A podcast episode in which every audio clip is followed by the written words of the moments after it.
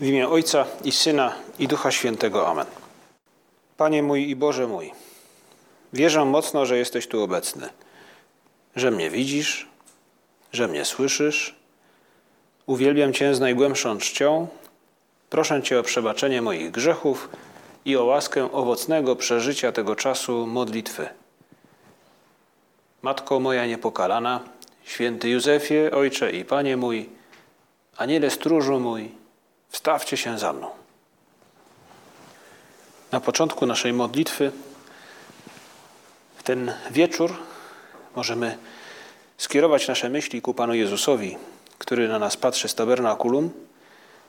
I każdy z nas w swoim sercu ma szansę, by odnowić w sobie pewne poważne pragnienie, które zazwyczaj towarzyszy chrześcijanom w tym czasie Wielkiego Postu.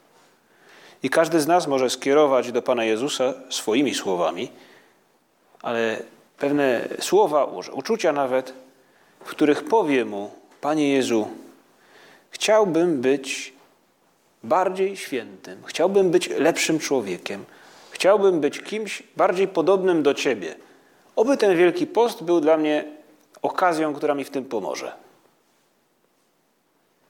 To jest jakby taki czas, w którym każdy z nas może pozwolić się uderzyć miłości Pana Jezusa. Bo temu właśnie poświęcony jest Wielki Post. Liturgia co róż przypomina nam to, co wydarzy się już za kilka tygodni, gdy Jezus Chrystus będzie kroczył na Kalwarię za mnie i za Ciebie. Panie Jezu, jak w tym roku chcesz mnie uderzyć, potrząsnąć mną, w tym dobrym słowa znaczeniu? Tak jak jest tyle dobrych i wspaniałych rzeczy, które czasami nas uderzają i sprawiają, że w naszym życiu zaczyna się jakiś nowy etap. Może nie jakiś, prawda, kolosalny, ale coś nowego się zaczęło w moim życiu, bo coś mnie uderzyło. Temu właśnie służy Wielki Post. I o to możemy na początku naszej modlitwy Pana Jezusa poprosić. Pomóż mi, Panie Jezu, bym w tym Wielkim Poście upodobnił się bardziej do Ciebie.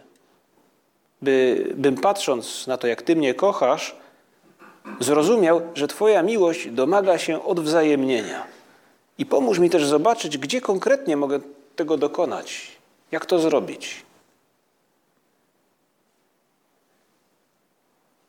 W tych dniach liturgia mówi nam o pewnej postawie, do której Jezus Chrystus nas zachęca, więc ukazuje nam jedną z tych możliwości, które my możemy rozważyć i zastanowić się, czy to nie jest właśnie coś dla mnie może w całości, może w jakiejś części. Jezus Chrystus ukazuje nam, jak atrakcyjna jest postawa człowieka, który potrafi przebaczać. Jezus Chrystus oferuje nam alternatywę wobec zaciętości, gdy mówi o miłosierdziu i o przebaczeniu. Miłosierdzie zamiast zaciętości.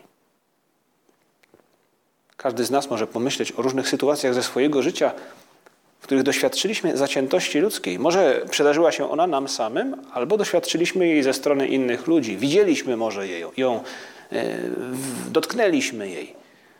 Braku przebaczenia. Ileż zgorzknienia, ileż cierpienia, gdy pojawia się ten fenomen na świecie, w życiu ludzkim.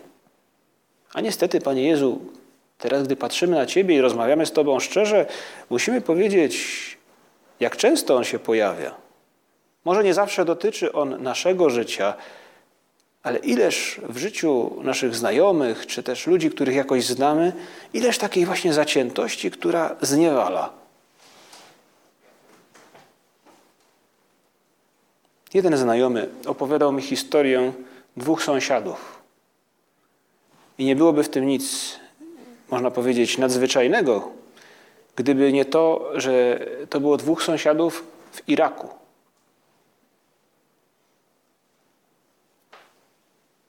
Do jednej rodziny chrześcijańskiej przychodzi sąsiad, to rzecz, która miała miejsce stosunkowo niedawno.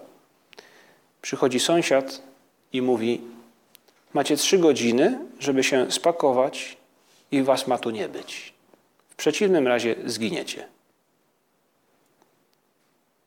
No, właściciel domu myśli, prawda? Jakiś żart, wygłupy, nie wiem. No.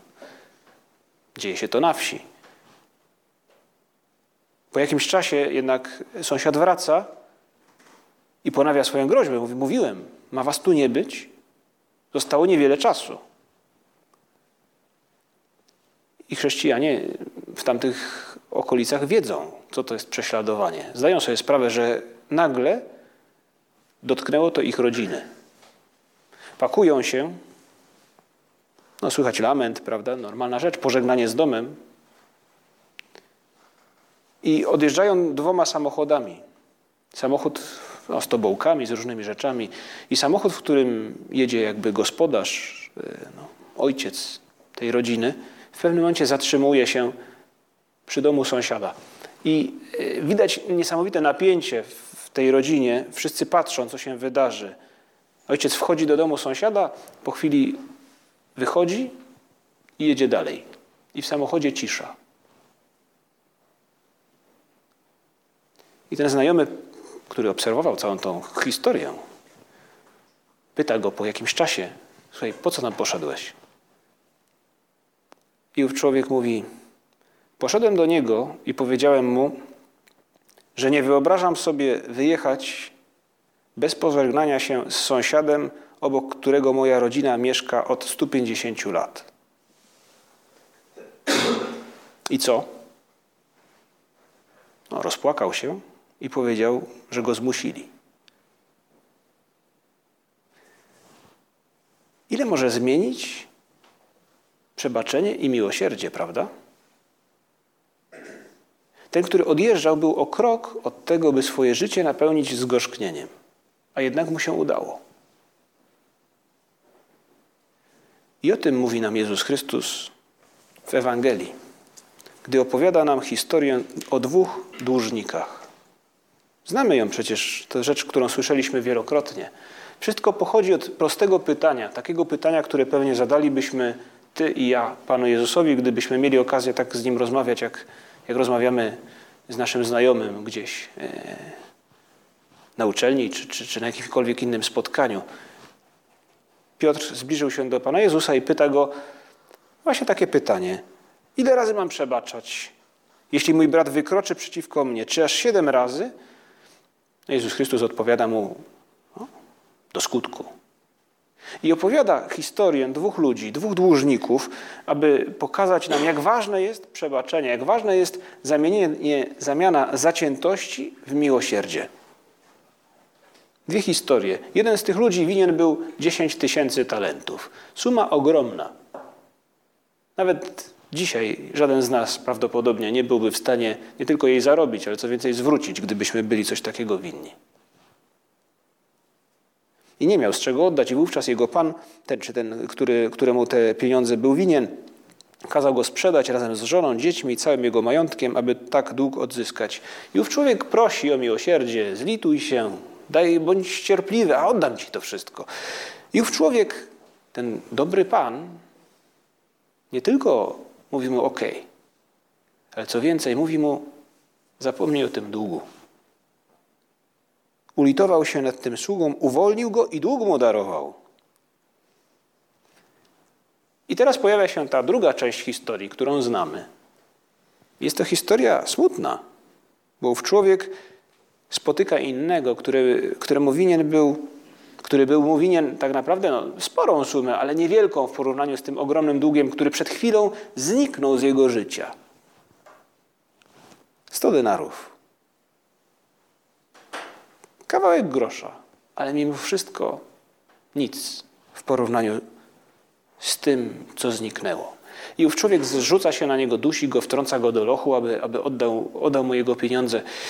I później ta historia toczy się w ten sposób, że ów dobry pan prawda, dowiedział się o tym od znajomych tego człowieka i wzywa go do siebie i czyni mu wyrzuty i, i, i mówi mu, słuchaj, sługo niegodziwy, darowałem ci cały ten dług, ponieważ mnie prosiłeś. Czy więc i ty nie powinieneś by ulitować się nad swoim współsługą, jak ja ulitowałem się nad tobą? Kazał wrzucić go do lochu, i aż mu całego długu nie odda. Człowiek niegodziwy, niewdzięczny. I mówi na sam koniec Jezus Chrystus, jakby zachęcając nas do, do, do rozważenia zamiany zaciętości na miłosierdzie tego, czy nie powinieneś był ulitować się nad swoim współsługą, jak ja ulitowałem się nad Tobą. Mówi nam, podobnie uczyni Wam Ojciec mój niebieski, jeżeli każdy z Was nie przebaczy z serca swemu bratu.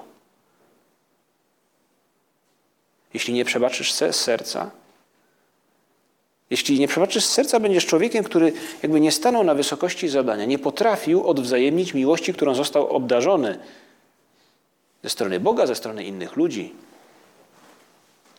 A jeśli przebaczysz, nie mówi tego Jezus Chrystus no, w tej historii, jakby on pokazuje e, jakby nasze przebaczenie, czy naszą, naszą miło, nasze miłosierdzie, nasz brak zaciętości jako odpowiedź na to, czego już doświadczyliśmy.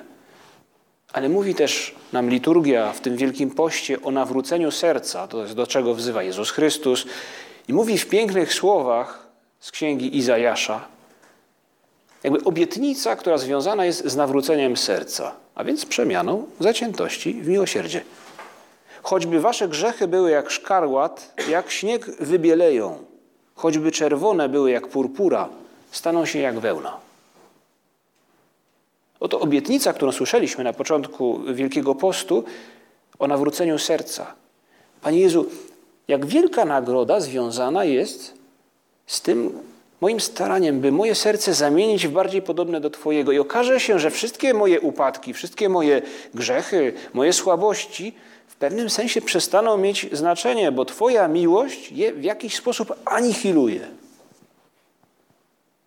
Tak będzie jeśli pozwolimy się tej miłości wstrząsnąć, potrząsnąć nami. Ale jaki jest punkt odniesienia, Panie Jezu, byśmy mogli zapytać, bo, bo, bo czasami może nam być trudno z, to, zdobyć się na tę miarę, prawda? O to pyta święty Piotr, no ile razy? Czy aż siedem razy? I odniesieniem w ostateczności jest zawsze przecież Bóg. Również w innych można by powiedzieć, dziedzinach naszej wiary. Gdy Bóg mówi do Mojżesza i jakby cała, cały ten, powiedzieliśmy, może nazwalibyśmy to dialog, prawda? Człowieka, który pośredniczy między Bogiem a, a ludem wybranym, ale Bóg mówi do niego o tym, po, po tych wszystkich wydarzeniach z Morzem Czerwonym, z Egiptem i tak dalej, mówi mu, słuchaj, ta cała moja miłość, którą widzieliście, którą, której dotknęliście, ona domaga się odwzajemnienia. W gruncie rzeczy chodzi o to, mówi, abyście byli jak ja. Mówi tak, bądźcie świętymi, bo ja jestem święty. To jest punkt odniesienia. I to jest też punkt odniesienia, który Jezus Chrystus nam ukazuje w tej wspaniałej przypowieści o miłosiernym Ojcu i marnotrawnym Synu, albo może o dwóch synach. To jest historia, w której Jezus Chrystus ukazuje nam piękno, uderzające piękno Człowieka, który potrafi kochać w stu procentach. Ten ojciec.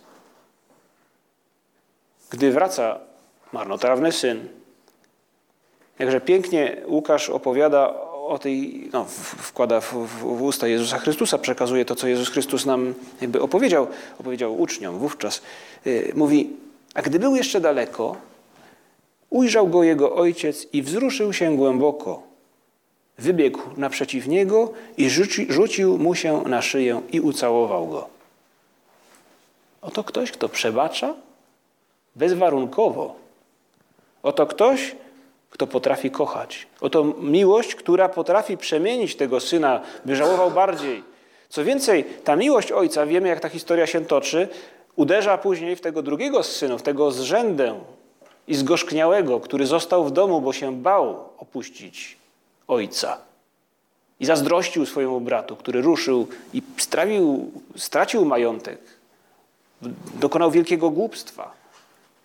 Równego, równie, równie wielkiego głupstwa, jakby równie wielkie głupstwo popełnił ten, który został ze strachu. I miłość ojca jest tym, co uderza i zmienia tych dwóch ludzi.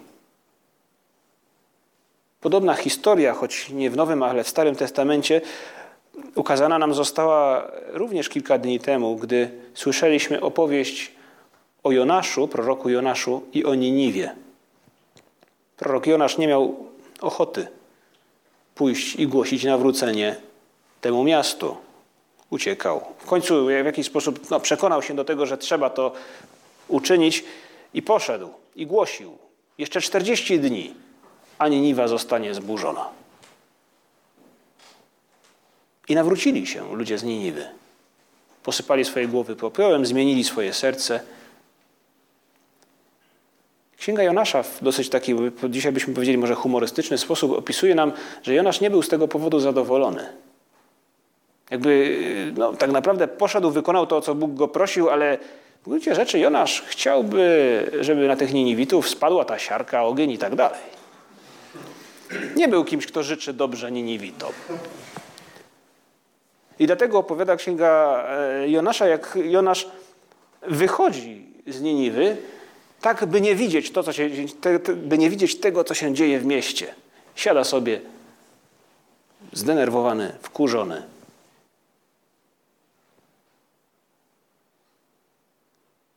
I nie podobało się to Jonaszowi, to co się wydarzyło. Wydawało mu się, że jakby Bóg traci na wiarygodności, gdy się lituje. I Bóg spotyka później Jonasza, ukazuje mu no, pewien krzew, krzew, który dawał mu cień, który, no, Bóg jakby też to sprawił, że przyszedł wiatr, ten krzew usechł i Jonasz, no cóż, zaczął narzekać, prawda? Opowiada, Bóg mówi mu, słuchaj, no żałujesz takiego krzewu, prawda? Którego ani ty nie zasadziłeś. A ja nie miałbym pożałować tego miasta, w którym tylu jest dobrych ludzi? To dwie sytuacje, w których widzimy, do czego zdolny jest Bóg. Jeśli nie przebaczysz z serca, a jeśli przebaczysz, bądźcie świętymi, bo ja jestem święty. To jest nasz punkt odniesienia. Panie Jezu, jakże obrzydliwy jest brak przebaczenia w historii tych dwóch ludzi z Ewangelii. Chwycił go i zaczął dusić, mówiąc: Oddaj coś winien. I ten drugi pada przed nim i prosi go. To te same słowa prawie, które słyszał, które sam wypowiadał ów, nieli, nie, ów, ów nielitościwy dłużnik.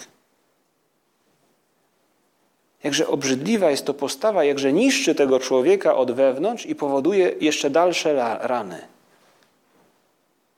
I Panie Jezu, my przecież powoli odkrywamy, patrząc na Twoje miłosierdzie, na Twoje przebaczenie, na to, jak Ty postępujesz, także w tej historii z dwoma dłużnikami, powoli dociera do nas, może też na podstawie naszych własnych doświadczeń, że to zawołanie, jakby, że nasze grzechy jak szkarłat, jak śnieg wybieleją, jeśli nawrócimy się i tak dalej, to jest związane z niesamowitym darem wolności. Jeśli przebaczę, będę wolny od tego zgorzknienia, od tego, co niszczy wewnętrznie, od tego, co zatruwa tego nielitościwego sługę. I w pewnym sensie także trochę tego Jonasza, zaciętego. Dobrze im tak. I dziś jesteśmy wezwani do tego, by zastanowić się w Wielkim Poście, jak u mnie z zaciętością, jak u mnie z miłosierdziem. Czasami nie chodzi może o to, że mamy jakiegoś rodzaju prawda, wroga, nieprzyjaciel. Moglibyśmy pomyśleć, tak jak prawda, rodziny, wielkie szlacheckie rodziny, które siebie zwalczały i walczyły ze sobą wiele lat temu, wiele wieków temu. Jedni, prywatna armia kontra druga, nieprzyjaciel. I różnego rodzaju zaszłości i konieczność przebaczenia wydawałoby się niesamowita. W naszym życiu często ta zaciętość, ten brak miłosierdzia związany jest z bardzo prostymi, codziennymi często wydarzeniami, ale jeśli, jeśli w tym Wielkim Poście tego nie, nie odkryjemy, to niestety istnieje wielkie ryzyko, że to stopniowo będzie nas zatruwało coraz bardziej. Dlatego, Panie Jezu, chcielibyśmy coś w tym temacie zmienić, odkryć to i z Twoją pomocą zawalczyć, by być bardziej podobnymi Tobie. Bo to nas zatruwa. Jak często zatruwają nas porównania na zaciętość. No, ja zrobiłem tyle, ktoś inny nie zrobił. Znowu ja? Zawsze trafia na mnie. I nie chodzi już tylko o to, prawda, też trzeba zachować pewien rozsądek, by nie być kimś, kim inni zawsze się wysługują. Ale w pewnych kontekstach, jak rodzina, jak przyjaźń, chrześcijanin naraża się na, te, na to ryzyko i chętnie je podejmuje. Ileż razy, Panie Jezu, ta zaciętość ujawnia, ujawnia się w naszej urażonej pysze, gdy obrażam się na kogoś. Być może to obrażenie się trwa niedużo, to nie jest, prawda, coś, czym przekreślilibyśmy znajomość, ale jednak gdzieś w nas się zagotowało, bo ktoś nie miał dla mnie czasu, odłożył słuchawkę, czy skrócił jakąś rozmowę przez telefon, czy spotkanie.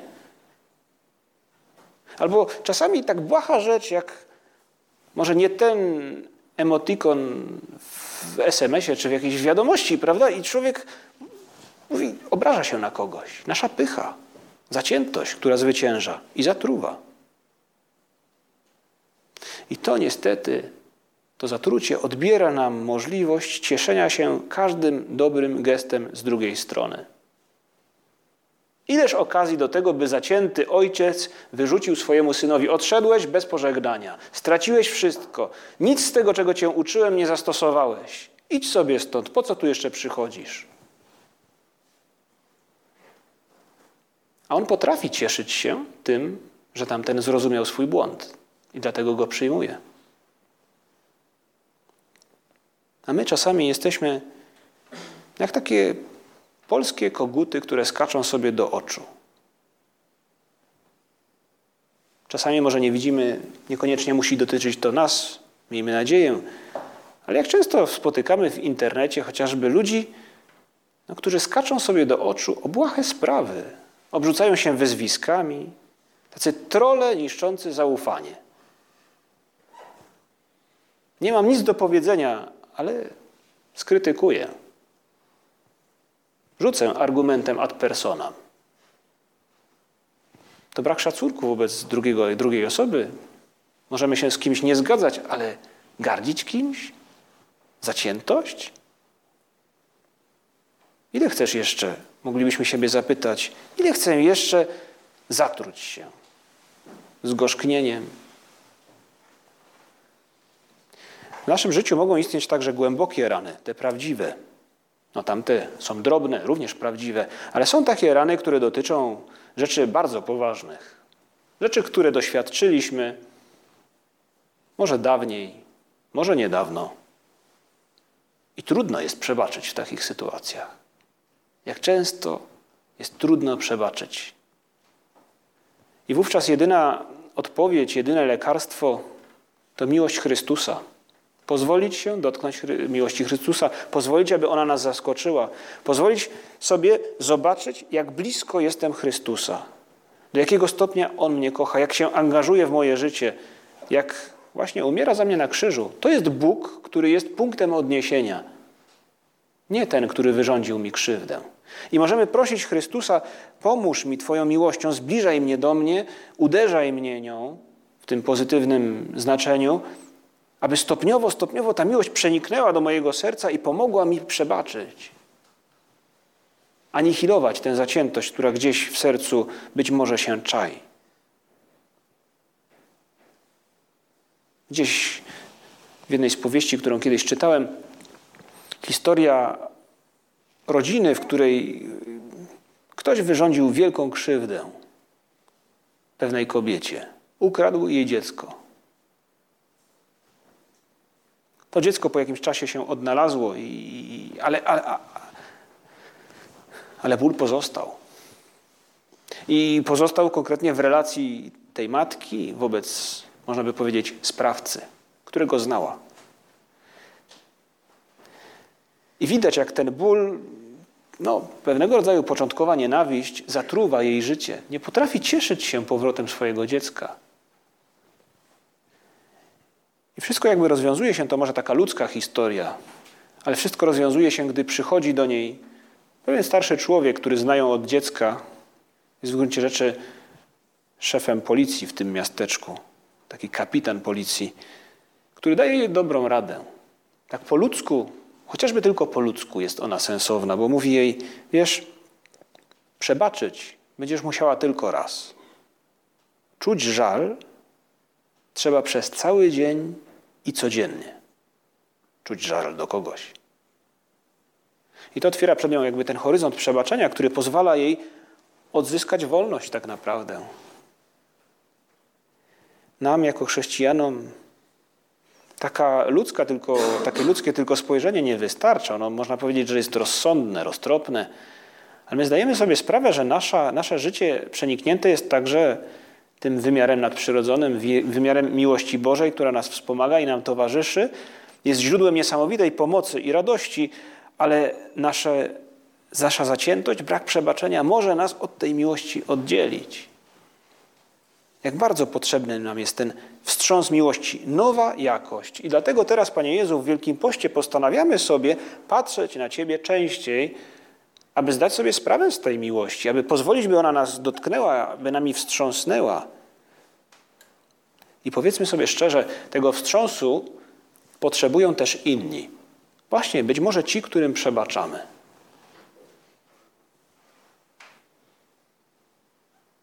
Ten sam znajomy, który opowiadał mi historię o owych dwóch sąsiadach, mówił też, że w innym miejscu, również w Iraku, gdy przyjechał, spotkał się, czy napot- przyszedł do niego jakiś muzułmanin, widać poważny człowiek, przedstawiciel jakby lokalnej społeczności, czy, czy ktoś ważny. I powiedział mu: Ja wiem, po co ty tu przyjechałeś, wiem, kto ty jesteś. Można powiedzieć takie mocne dzień dobry. Witamy. No po co? Ty pomagasz chrześcijanom, którzy stąd wyjeżdżają. Ten znajomy powiedział: No tak, to prawda, ale wiesz, oni nie wyjeżdżają na wczasy.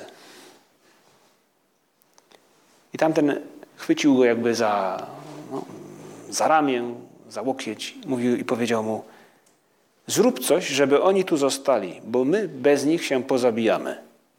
Tylko wy możecie nam pomóc odkryć miłosierdzie. To jest jakiś sygnał dla nas, chrześcijan, w tym wielkim poście. Inni oczekują od nas tego wstrząsu miłości. I przed nami staje teraz, właśnie dzisiaj, być może w tych nadchodzących dniach, które jeszcze są dniami Wielkiego Postu, jeszcze przed nami dużo czasu. No, przed nami radykalna decyzja. Czy ścieżka zaciętości, czy ścieżka miłosierdzia i przebaczenia. Być może dotyczy to tych głębokich ran, być może to tych, byśmy powiedzieli, tych codziennych zranień, zapatrzenia w siebie, zaciętości, porównywań, urażonej pychy. Ale miłosierdzie czy zaciętość? A jeśli uda mi się przebaczyć, jak śnieg wybieleją wszystkie słabości, grzechy. Prośmy Najświętszą Maryję Pannę, żeby pomagała, wspomagała w nas ten wstrząs miłości, który tak bardzo nam jest potrzebny. Pomóż nam, Matko Nasza, by dotarło do nas, w jaki sposób Bóg nas kocha. A wtedy, jakież to wspaniałe, wspaniała perspektywa, wtedy staniemy się bardziej wolni i pomożemy także innym ludziom stać się wolnymi. Dzięki Ci składam, Boże mój, za dobre postanowienia, uczucia i natchnienia, którymi obdarzyłeś mnie podczas tych rozważań. Proszę Cię o pomoc w ich urzeczywistnieniu. Matko moja niepokalana, święty Józefie, Ojcze i Panie mój, Aniele stróżu mój, wstawcie się za mną.